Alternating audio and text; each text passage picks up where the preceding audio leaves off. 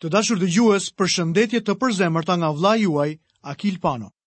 Mirë se keni ardhur në emisionin e sotëm. Dua t'ju kujtoj që në mësimin e kaluar pamë Jezusin të qajë mbi Jeruzalemin. Zbuluam pjesën e dhembshur të karakterit të Zotit tonë. Më pas vumë re që në kapitullin e 24 të Ungjillit të Mateut, Zoti Jezus foli për shkatërrimin e Jeruzalemit. Ndërsa në mësimin e sotëm, do të shohim se si Zoti ynë zbulon qartë karakteristikat dalluese të kësaj kohe. Do të jetë shumë interesante të shohim se si pa e kuptuar jemi duke ardhur në kapitujt e fundit të ungjillit sipas Mateut. Në këto kapituj, do të shohim Jezusin të flasë për fundin e kësaj bote dhe vendosjen e mbretërisë së Perëndisë. Shpesh do të shohim Zotin Jezus t'i referohet shkrimeve të profetëve të Dhjatës së Vjetër, ndërkohë që ai zbulon gjërat që do të ndodhin. Le të fillojmë pa humbur kohë leximin e sotëm në kapitullin e 24 të Ungjillit sipas Mateut, nga vargu i 4. Dhe Jezusi duke u përgjigjur u tha atyre: Ruhuni se mos ju mashtron ndokush. Fraza ruhuni se mos ju mashtron ndokush është karakteristikë e gjithë kësaj kohe. Zoti e jep këtë paralajmërim sepse e dinte që do të kishte shumë mashtrime, veçanërisht gjatë periudhës së vuajtjeve, kur do të shfaqet antikrishti, do të duket. Pjetri na paralajmëron tek letra e tij e dytë në kapitullin e dytë dhe në vargun e parë. Por ka pasur edhe profetë të rremë midis popullit, Ashtu siç do të ketë midis jush mësues të rremë, të cilët do të fusin fshehurazi herezi shkatërruese dhe duke mohuar zotërinë që i bleu ata, do të tërheqin mbi vete një shkatërrim të shpejtë. Ne sot duhet të ruhemi nga mësuesit e rremë. Dhe ka shumë të tillë përreth. Ne duhet t'i testojmë ata gjithmonë nëpërmjet shkrimeve. Në postën e mëngjesit të sotëm, më kishte ardhur një letër që e ilustron mjaft mirë këtë fakt. Ajo vinte nga një grua që në dukje kishte një pozicion të rëndësishëm në një kompani sigurimesh. Ajo tregonte për një mik dashamirës, i cili e prezantoi atë me një kult. Pasi shkoi në kishën e mikut të saj për një vit, ajo dëgjoi programin tonë në radio dhe shkrimet e bënë atë të vetëdijshme për faktin e kultit fetar. Më pas ajo tregon se si ajo dhe gjithë familja e saj shkonin në një kishë të mirë në zonën e saj. Miku im, ne duhet të ruhemi nga mësimet e rreme. Ka shumë mësues të rremë përreth nesh sot. Zoti ynë na këshillon, ruhuni se mos ju mashtron ndokush. Le të lexojmë vargun e pestë. Sepse shumë do të vijnë në emrin tim duke thënë, unë jam krishti, dhe do të mashtrojnë shumë njerëz. Afër fundit të kohrave, Shumë njerëz do të pohojnë se janë Krishti. Njerëz të tillë janë prezent edhe sot. Një njeri themeloi një të ashtuquajtur qytet të shenjtë në Kaliforninë e Veriut dhe priste çdo minutë që ta thërrisnin në Washington për të zgjidhur problemet e botës. I dashur dëgjues, nuk ka qytet të shenjtë mbi faqen e dheut, por një ditë Zoti ynë do të vijë nga qielli në tokë për të zgjidhur problemet. Duhet pasur parasysh se madje edhe sot ka shumë antikrishtër, por në fundin e kohrave do të vijë një antikrisht i cili do t'i kundërvihet Jezusit dhe do ta ngrejë veten e tij lart si i vetmi autoritet. Besoj se Zoti ynë atje lart në malin e ullinjve, pa fundin e kohrave dhe periudhën e vuajtjeve të mëdha, por në fillim të predikimit të tij, ai ngre një urë lidhëse duke na dhënë një pamje të kishës në kohën e sotme. I dashur vëlla, jam dakord se ka shumë mësues të mirë të Biblës, madje shumë më të mirë sesa unë, për të cilët flitet në vargjet 5 deri në vargun e 8 të periudhës së vuajtjeve. Gjithashtu, edhe nëse nuk jeni dakord me mua, do të gjendeni në një shoqëri shumë të mirë. Gjithsesi, është pikëpamja ime që Zoti ynë nuk është duke iu referuar vuajtjeve të mëdha derisa ai arrin në vargun e nëntë të këtij kapitulli. Lexojmë vargun e gjashtë. Atëherë do të dëgjoni të flitet për luftra dhe ushtima luftrash. Ruhuni të mos shqetësoheni, sepse të gjitha këto duhet të ndodhin, por ende mbarimi nuk do të ketë ardhur. Luftrat dhe ushtimat e tyre nuk janë shenja që tregojnë me çdo kusht që jemi në fundin e kohrave. Zoti po ngre, po ndërton një urë mbi hendekun ku ndodhen dishepujt për t'i çuar ata në fundin e kohrave. Është e lehtë të mendosh se luftrat e mëdha janë tregues i faktit se ne ndodhemi në fundin e kohrave. Por në fakt, ato nuk janë. Ka pasur shumë luftra të mëdha në këta mijëvjeçarë të paktën që kanë kaluar dhe vetëm rreth 200 vjet paqe. Kur isha djalë i vogël, në fundin e luftës së parë botërore, Më kujtohet që dëgjoja babain tim dhe të tjerët duke folur për librat që printoheshin dhe deklaronin fundin e botës. Lufta e Parë Botërore shkaktoi këtë lloj mendimi. Por pas luftës, kaluam një depresion mbarëbotëror. Lufta e Dytë Botërore dhe bomba atomike. Në atë kohë isha pastor në Pasadena dhe i njoftova bashkësisë ku ndodhesha se një karrocë dore plot me libra do të publikohej duke na treguar se ishim në fundin e botës për shkak të luftës së dytë botërore. Dhe a dini se çfarë? Unë e kisha gabim. U printuan jo një, por dy karroca dore me libra dhe ata bënë bujë. Ka kaluar një kohë e gjatë nga lufta e dytë botërore dhe fundi i kohrave ende nuk ka ardhur. Ne duhet të dëgjojmë Zotin tonë dhe jo mësuesit e rremë. Ne do të dëgjojmë për luftra dhe ushtimat e tyre. Por nuk duhet të shqetësohemi, sepse të gjitha këto gjëra duhet të kalojnë përpara se fundi të vijë. Miku im, ne duhet ta kemi të qartë se njeriu nuk mund ta zgjidhë kurrë problemin e luftrave. Ligat e kombeve nuk mund ta zgjidhin këtë problem. dhe Kombet e Bashkuara gjithashtu. Nuk do të ketë paqe derisa princi i paqes të vijë. Lexojmë së bashku vargjet 7 dhe 8. Do të ngrihet pra popull kundër populli dhe mbretëri kundër mbretërie. Do të ketë zi buke, murtajë dhe tërmete në vende të ndryshme. Por të gjitha këto gjëra do të jenë vetëm fillimi i dhembjeve të lindjes. Këto janë karakteristika të të gjitha kohrave dhe për këtë arsye nuk janë shenjat e fundit të botës. Por fundi i botës nuk do të vijë ende. Krishtër të rremë, luftra, zi buke, murtaja dhe tërmete karakterizojnë të gjithë kohën e kishës. Por me sa duket, ato do të rriten ndërkohë që i afrohemi fundit të kohrave. Pikërisht tani, shpërthimi i popullsisë e ka frikësuar botën. Me mijëra dhe miliona njerëz po vdesin nga uria dhe kjo situatë sa vjen dhe po rritet.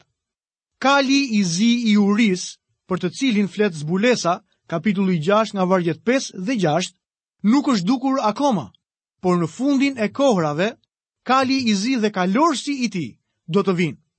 Çfarë shohim sot është vetëm fillimi i dhimbjeve. Tani Zoti fillon të flasë për kohën e vuajtjeve. Unë dhe ti po jetojmë në kohën e kishës, ose siç u pëlqen ta quajnë disa njerëz, në kohën e shpirtit të shenjtë. Bibla e ndan botën e sotme në tre grupe njerëzish, në judenj, paganë dhe në kishën e Zotit. Sot Perëndia po thërret njerëz në emrin e tij, nga judenjtë dhe paganët, për të formuar grupin e tretë, që është kisha. Grupi i tretë është ai që do të hiqet nga bota në kohën e rrëmbimit. Pastaj do të fillojë mundimi i madh dhe mendoj se vargu i nëntë flet për këtë fillim. Lexojmë vargun e nëntë. Atëherë do t'ju dorëzojnë në mundime dhe do t'ju vrasin. Dhe gjithë bota do t'ju urrejë për shkak të emrit tim. Atëherë do t'ju dorëzojnë në mundime. Kujt i drejtohet Jezusi me këto fjalë? Me sa duket, ai nuk po i drejtohet kishës, por kombit të Izraelit. Mundimi për të cilin Jezusi po flet është antisemitizmi në shkallë botërore. Në këtë pikë, më lejoni t'ju them një fakt të rëndësishëm për të krishterët e ditëve tona. Për aq kohë sa kisha e vërtetë është në botë,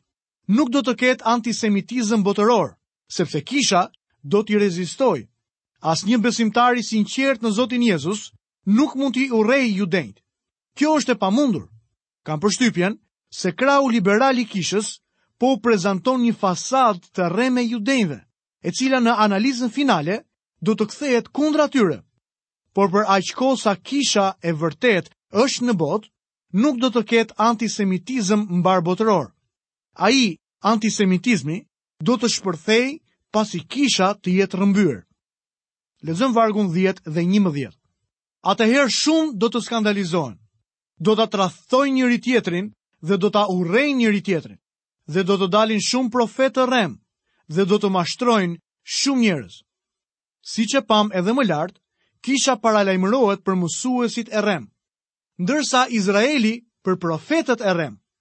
Kështu pra pas rrëmbimit të kishës, paralajmërimi mbetet për profetët e rremë. Lexojmë vargun e 12. Dhe duke qenë se paudhësia do të shumohet, shumëkujt do t'i ftohet dashuria. Ky është një nga shumë principet e këtij diskutimi, të cilin ne mund ta zbatojmë në ditët tona. Para pak kohësh, takova një predikues që e kam pasur shok shkolle. Ai ishte bërë liberal në teorinë e tij. Pinte cigare, pije dhe jetonte njëlloj si pjesa tjetër e botës. Ai më tha, mos lufto me administratën dhe shtetin, por bashkohu me ta. Më pas më tregoi për disa praktika mëkatare që kishin hyrë në kishë dhe se si ai nuk po planifikonte aspak që t'i luftonte këto praktika. Kur padrejtësia është me bollëk, Dashuria e shumë njerëzve ftohet dhe kjo do të bëhet më e vërtetë në fundin e kohrave. Vargu që vijon është shumë befasues për disa njerëz. Le ta shohim vargun e 13.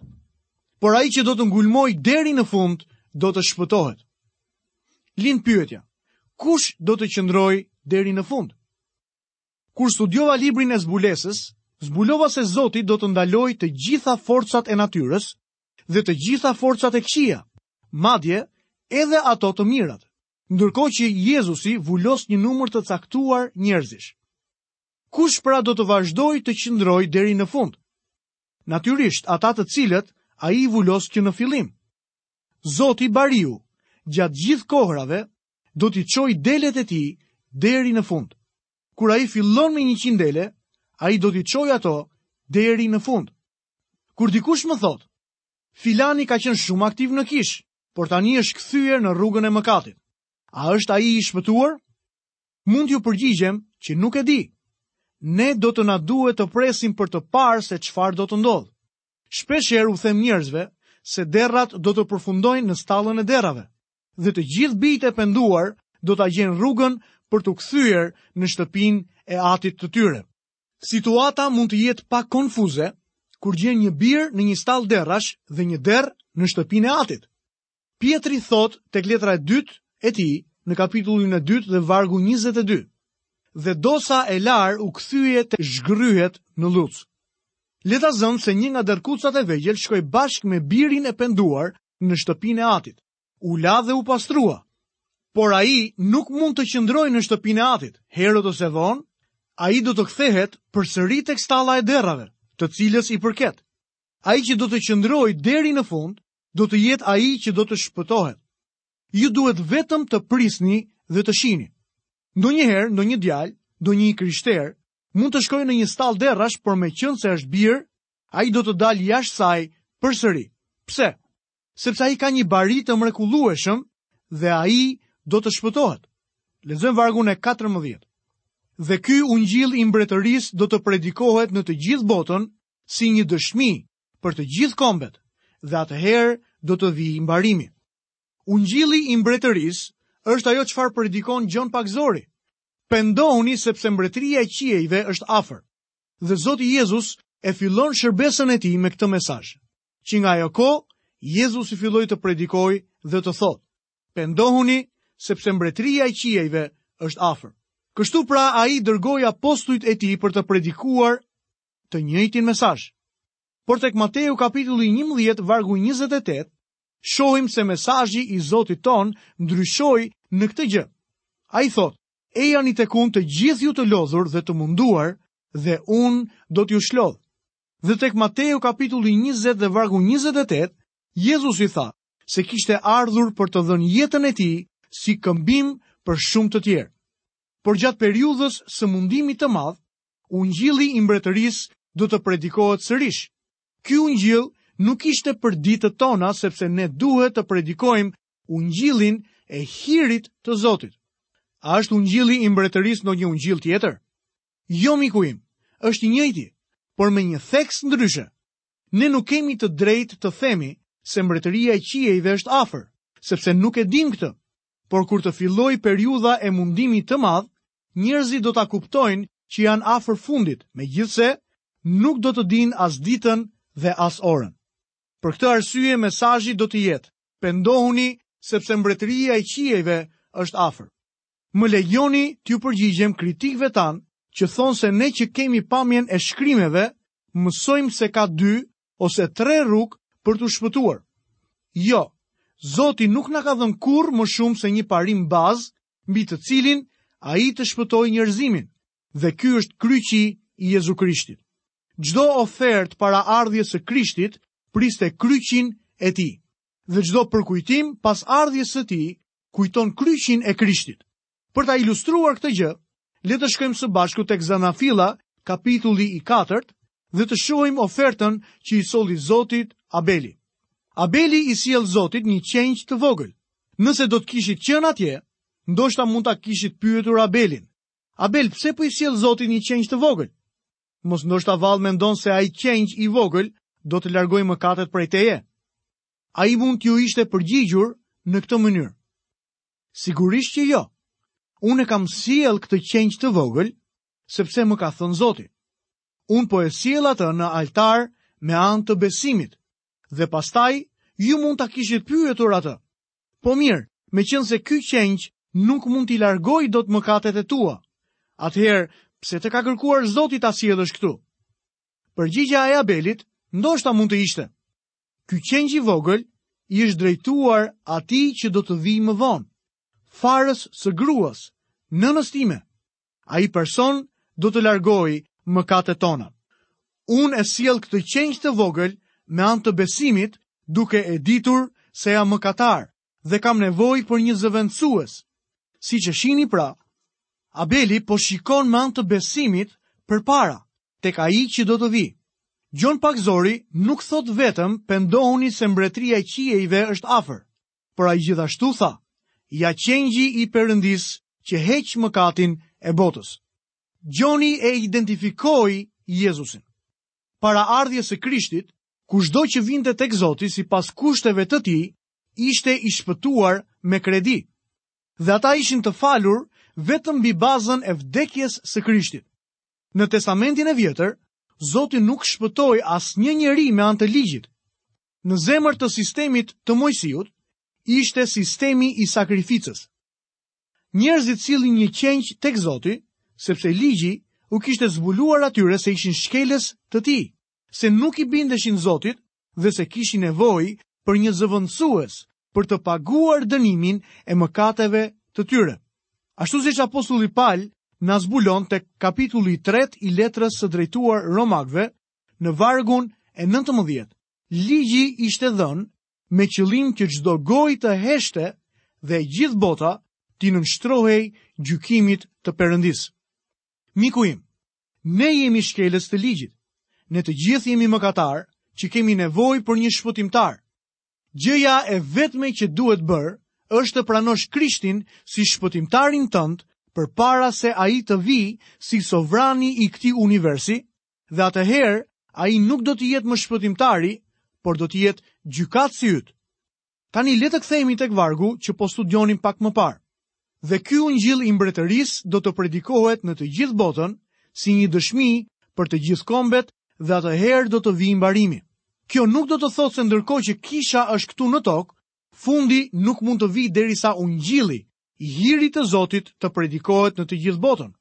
E di që ka njerëz që e përdorin këtë varg për të reklamuar programet e tyre të mësimit të Biblës. Ndërkohë që është një gjë e lavdërueshme ta çosh ungjillin deri në skajin e fundit të botës. Ky nuk është vargu që duhet përdorur për ta reklamuar atë. Ju mund ta shihni miku im që është e rëndësishme ta interpretosh shkrimin në kontekst. Mbani mend, Zoti ynë po i përgjigjet pyetjes, cila është shenja e fundit e kohrave? Ai po flet për atë fund kohe? Jezusi jep shenjën që do të identifikojë këtë periudhë kohe. Lexojmë vargun e 15 të kapitullit të 24 të Ungjillit të Mateut. Kur të shihni pra neverinë e shkretimit që është parathënë nga profeti Daniel, që ka zënë vend në vendin e shenjtë. Kush lexon, le ta kuptojë. Çfarë është neveria e shkretimit? Danieli na tregon për dy prej tyre. Njëri ishte Antioku Epifan, siriani i cili zbriti dhe shkatërroi Jeruzalemin. Tek libri i profetit Daniel, kapitulli njëmbëdhjetë dhe vargu tridhjetë e një, lexojmë, Forca të dërguara prej tij do të ngrihen për të përdhosur shenjtëroren fortesë, do të ndalojnë flijimin e përditshëm dhe do të bëjnë veprime të neveritshme që shkaktojnë shkretim. Historia konfirmon faktin se Antioku Epifan u ngrit kundër Jeruzalemit në vitin 170 para Krishtit. Në atë kohë, 100.000 hebrenj u vranë. Ai largoi flijimin e përditshëm nga tempulli, ofroi gjak dhe lëng mishi të një derri mbi altar. Vendosi një imazh të Jupiterit për t'u adhuruar në vendin e shenjtë. Gjithsesi, Zoti ynë i referohet pa dyshim neverisë së dytë të shkretimit që përmendet nga Danieli në kapitullin e dymbëdhjetë të librit të tij. Unë besoj se imazhi i Antikrishtit do të vendoset në tempull. Gjatë mundimit, tempulli do të jetë i rindërtuar dhe kombi i Izraelit do të jetë në Palestinë. Pa dyshim Zoti ynë po flet më saktë për tempullin sesa për kishën. sepse kisha nuk ka vend të shenjtë.